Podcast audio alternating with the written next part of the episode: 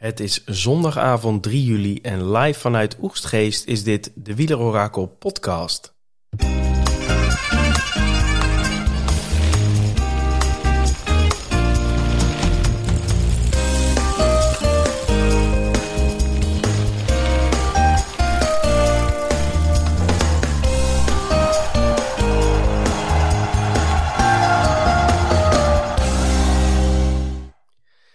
Op de dag voor de eerste rustdag ben ik zo blij dat we dit eindelijk kunnen laten horen.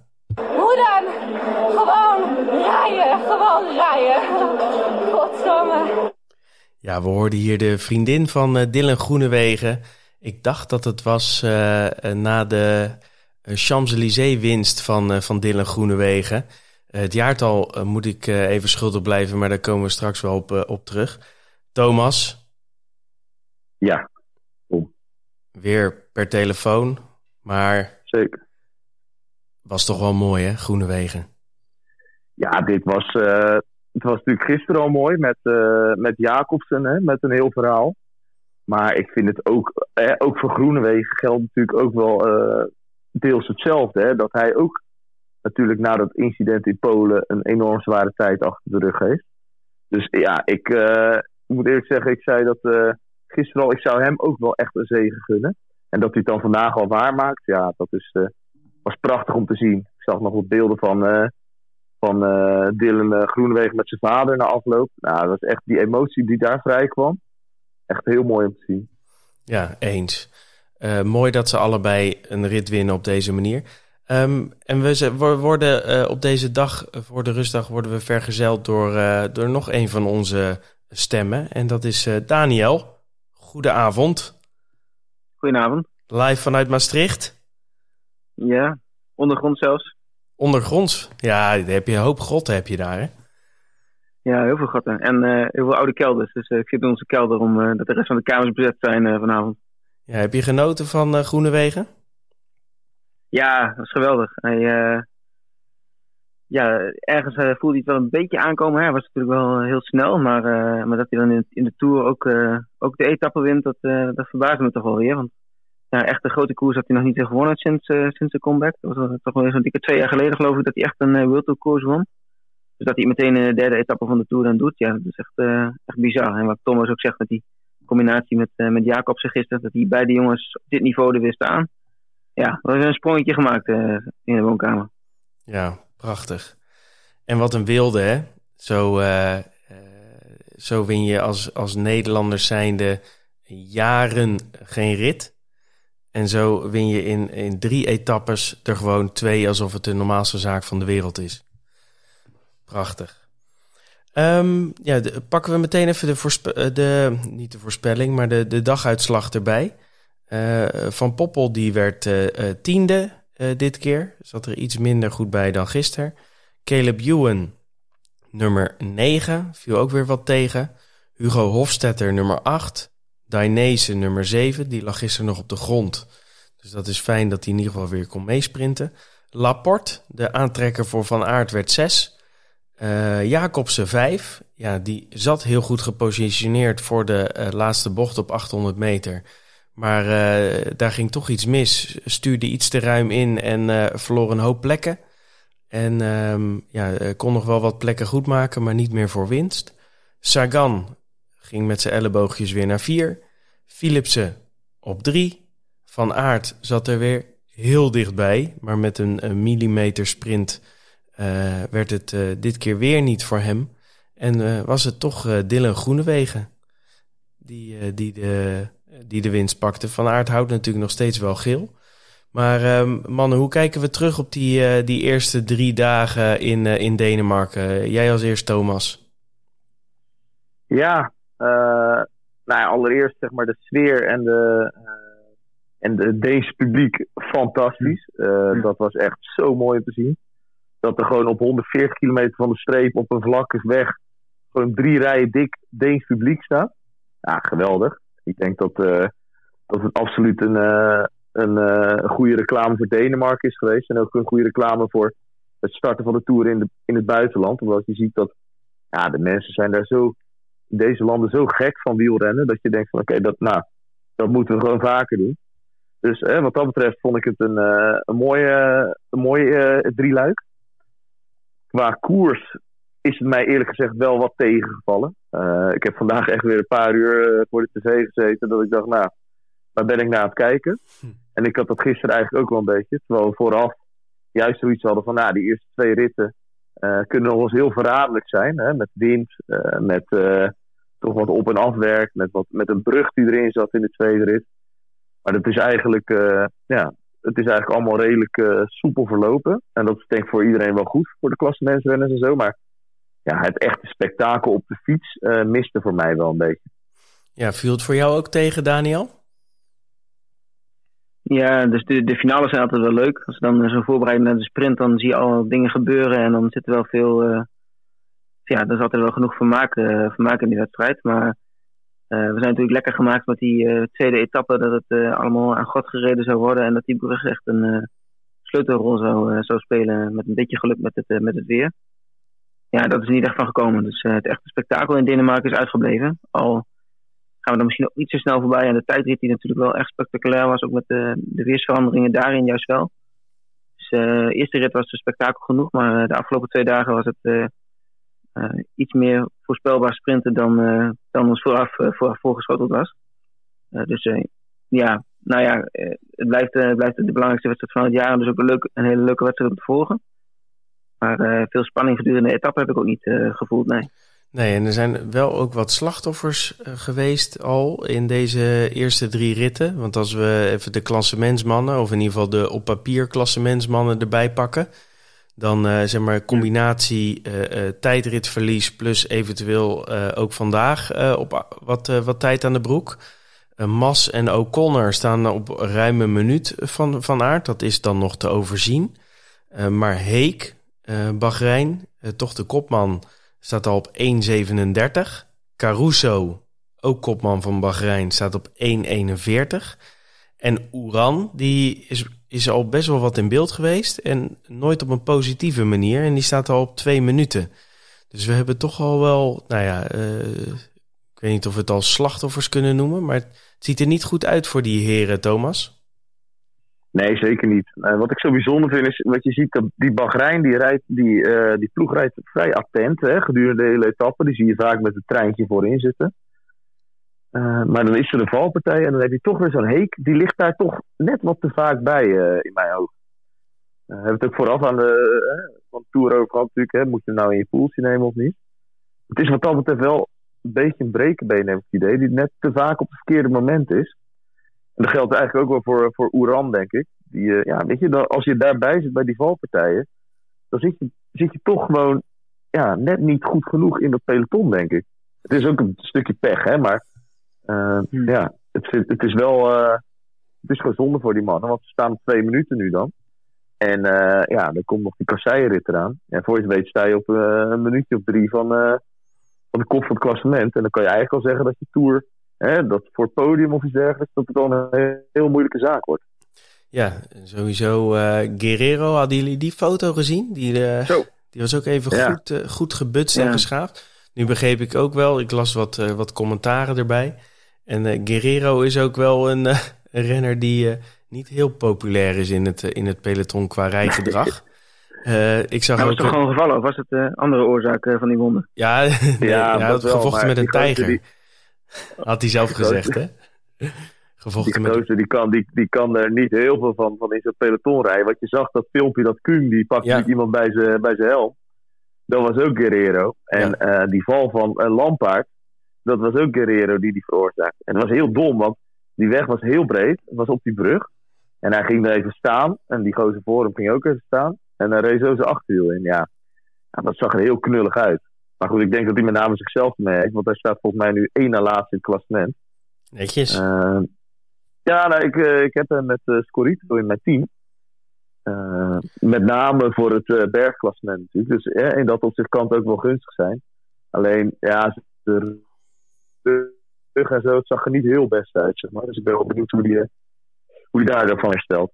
Ja, snap ik. Hey, even kort nog vooruitkijken naar de rest van week 1.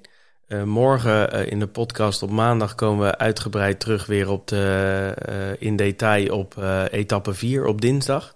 Maar even verder kijken, Daniel, waar verheug jij je op in week 1?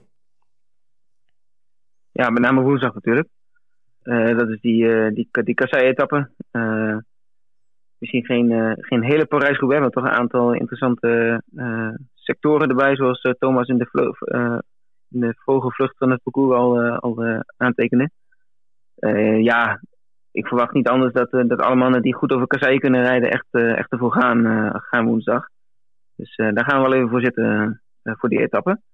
Ja, en de rest van de week in de, in de dagen daarna natuurlijk ook al Planche de Belleville uh, redelijk snel uh, erbij staan. Dus uh, dat zijn wel de twee etappes die er voor mij uitspringen. De eerste keer klassementsmannen.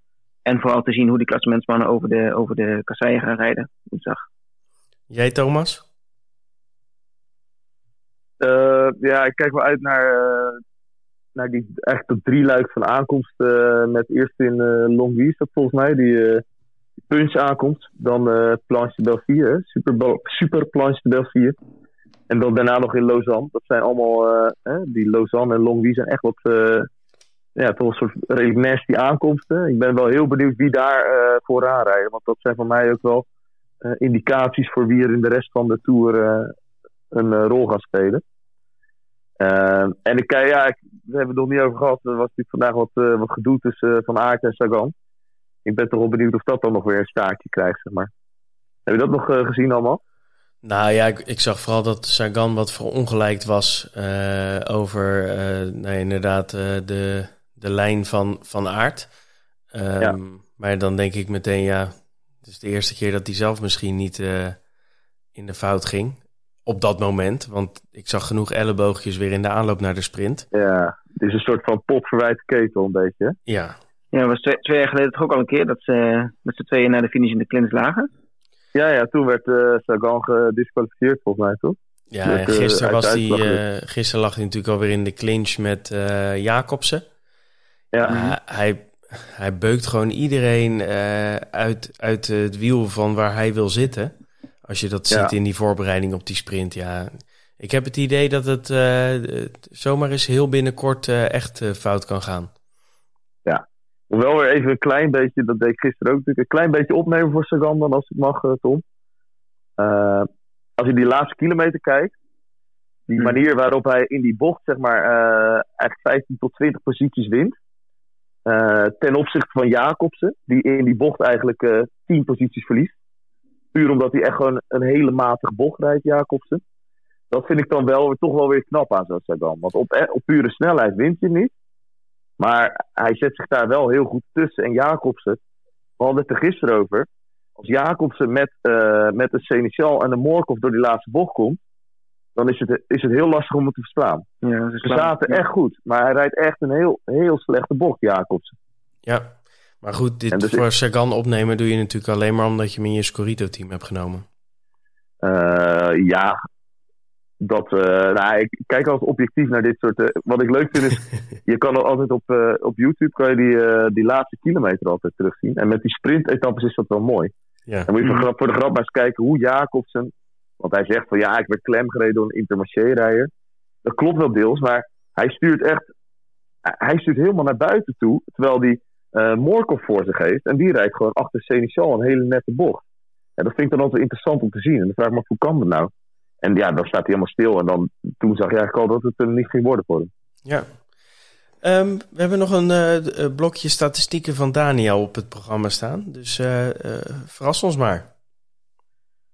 Ja, veel goede klasseringen van de grote kleppers, de eerste drie etappes.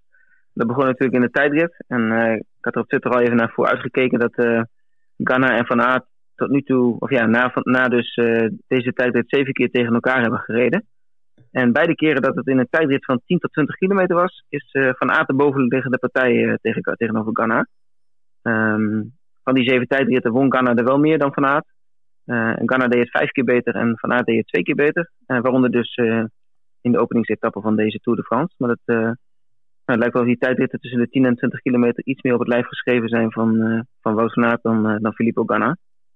En in die tijdrit werd ook nog een ander patroontje doorbroken. Um, en Roglic, als die beide aan de start van de tijdrit stonden, uh, won altijd één van beiden tot nu toe.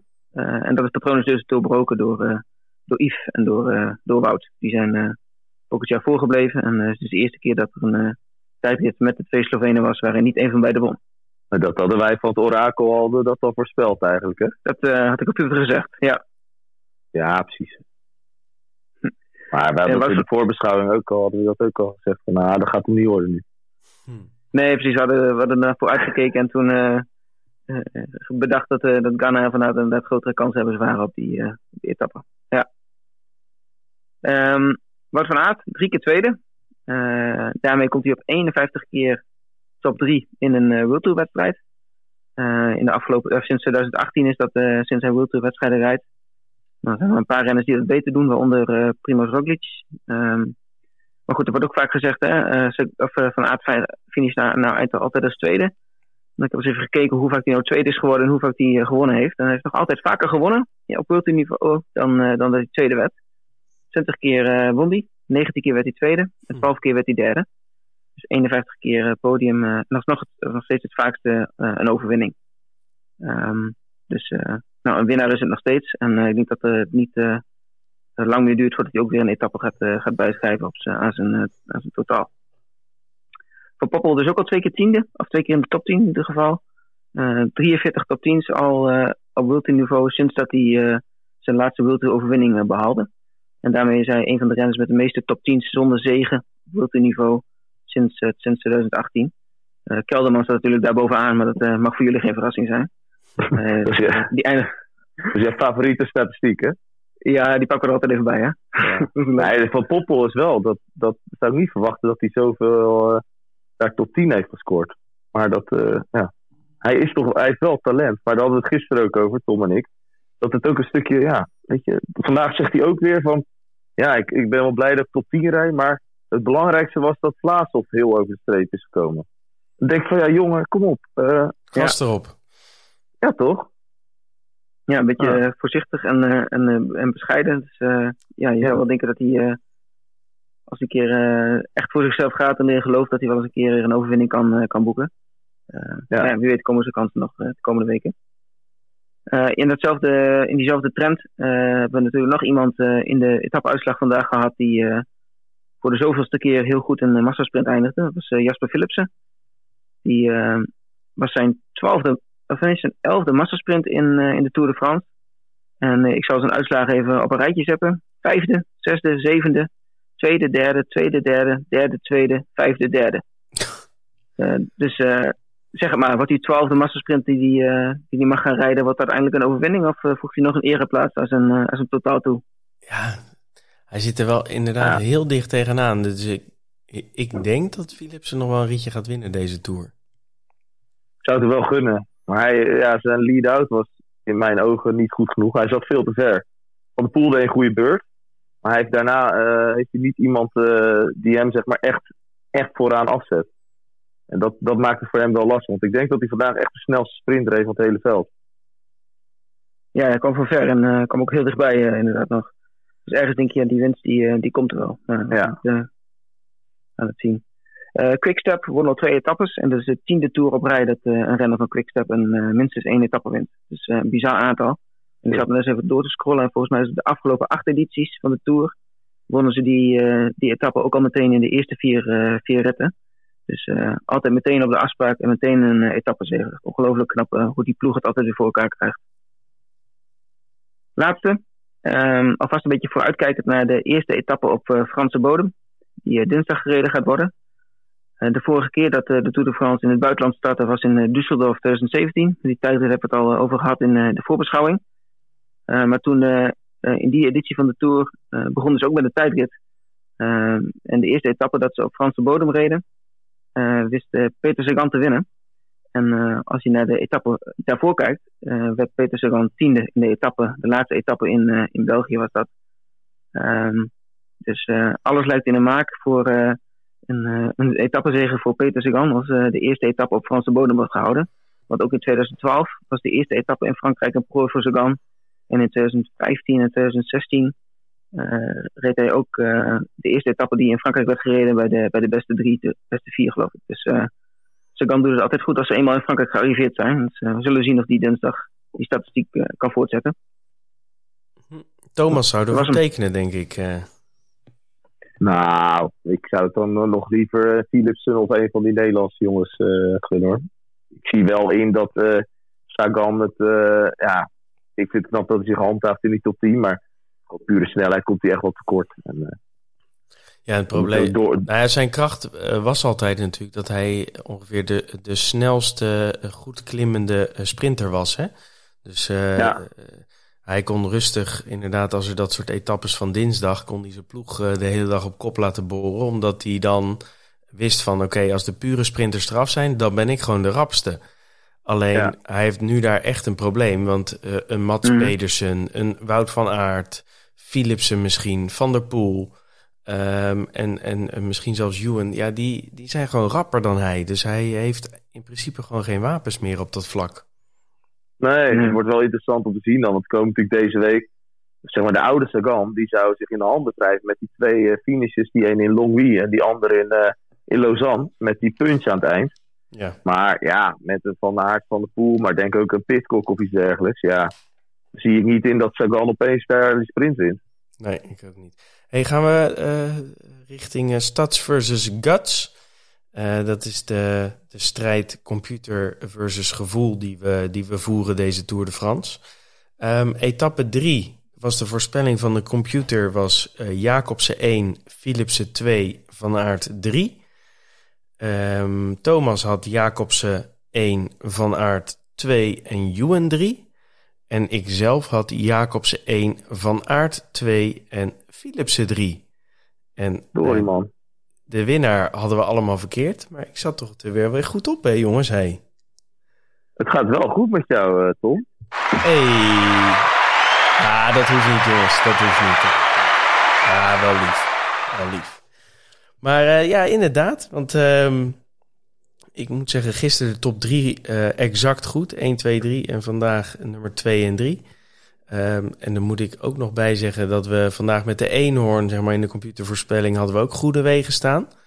Dus uh, het gevoel uh, overheerst wel een beetje deze, deze tour. Ja. Al doet de computer nog wel uh, leuk mee. Want we hebben een, een tussenstandje. De computer heeft acht punten. Thomas die heeft zes punten. En ik ga aan kop met elf punten. Um, maar goed, Parijs is nog ver, Thomas. Ja, ik denk mijn, uh, mijn goede vriend uh, Maurice, die, uh, die zei al dat hij teleurgesteld in me was op Twitter. Dus die zal nu nog meer teleurgesteld in me zijn. Misschien moet ik hem ook maar wat meer om raad vragen. Of zo. Misschien heeft hij tips voor mij voor de volgende etappe. Ja. Daar kunnen we natuurlijk nog een dag over nadenken. Precies, want morgenavond zijn we er weer met een, een gedetailleerde vooruitblik op, op die etappe 4. En dan doen we ook weer de voorspelling van de computer en, en onze voorspelling daartegenaan. Um, Daniel, uh, wat, uh, wat denk jij van etappe 4 alvast? Ja, er zitten uh, een paar heuveltjes in de laatste 50 kilometer. Maar of ze daadwerkelijk genoeg zijn om, om de sprinters eraf te gooien, de, de, de pure snelle mannen, ik denk het eigenlijk niet. Dus ik denk dat etappe 4 toch in een sprint van een redelijk grote groep gaat zijn. Wellicht, nou ja, nee, ik denk eigenlijk dat alle goede sprinters er nog wel bij zullen zitten. En dat gewoon weer vol sprinten wordt met uh, een redelijk groot peloton. Zelfs Groenewegen en Jacobsen, denk jij? Mm, ik denk zelfs Groenewegen en Jacobsen. Ja, met hun teams. Ik denk dat die, uh, als, ze, als ze de heuvels niet overkomen, dat ze weer teruggebracht worden. En uh, misschien dat ze stiekem nog wel uh, eraan blijven hangen. Mooi. En misschien wel weer Nederlandse ritwinst. Het zou, zou toch wat zijn? Een Nederlandse ja. hattrick. Daniel, dat, dat, dat, wordt, dat worden mooie statistieken, een Nederlandse hattrick. Ik weet niet of we die überhaupt ja, hebben. Ja, zeker. Ik uh, herinner me zo geen uh, Nederlandse hattrick van de afgelopen jaren. Dus, uh, maar, maar als het nee, komt, dan gaan we het uitzoeken. Dan moet je echt terug naar de, naar de, ja. de rallyploeg. Peter Post in de jaren, jaren 80. Toen wonnen toen regelen ze ook aan één natuurlijk die zegens. maar dat zal, dat zal de, de voor... Jij kijkt met name naar vanaf 2000 toch vaak in statistieken? Ja, mensen actieve renners. En dat gaat dan, dan ja. in ieder geval terug tot 2007. Dat sowieso niet. Nee. Maar dat, dat volgens mij in die tijd zit dat sowieso niet te klopt. Maar vroeger hadden natuurlijk die wilde ook die we nu hebben eigenlijk. Groenewegen won twee achter elkaar een paar jaar geleden. Ja. Etappe 7 en 8 was dat van die Tour. Ja. Nou, zou mooi zijn. En misschien zelfs nog een andere naam, hè? Van Poppel of uh, ja, je weet het niet. Of Van de Poel, hè? kan ook. We hebben, we hebben wel wat ijs in het vier. Hey, eh, dank weer mannen. Eh, we, gaan hem, eh, we gaan hem afronden. Morgen is het rustdag voor de renners, maar wij, eh, wij zijn er gewoon weer eh, s s'avonds met, een met een mooie podcast. Ik Wij zeg, moeten gewoon door. ja, wij gaan gewoon door. Geen gekkigheid. Oké. Oké. Hey, eh, dank en tot later.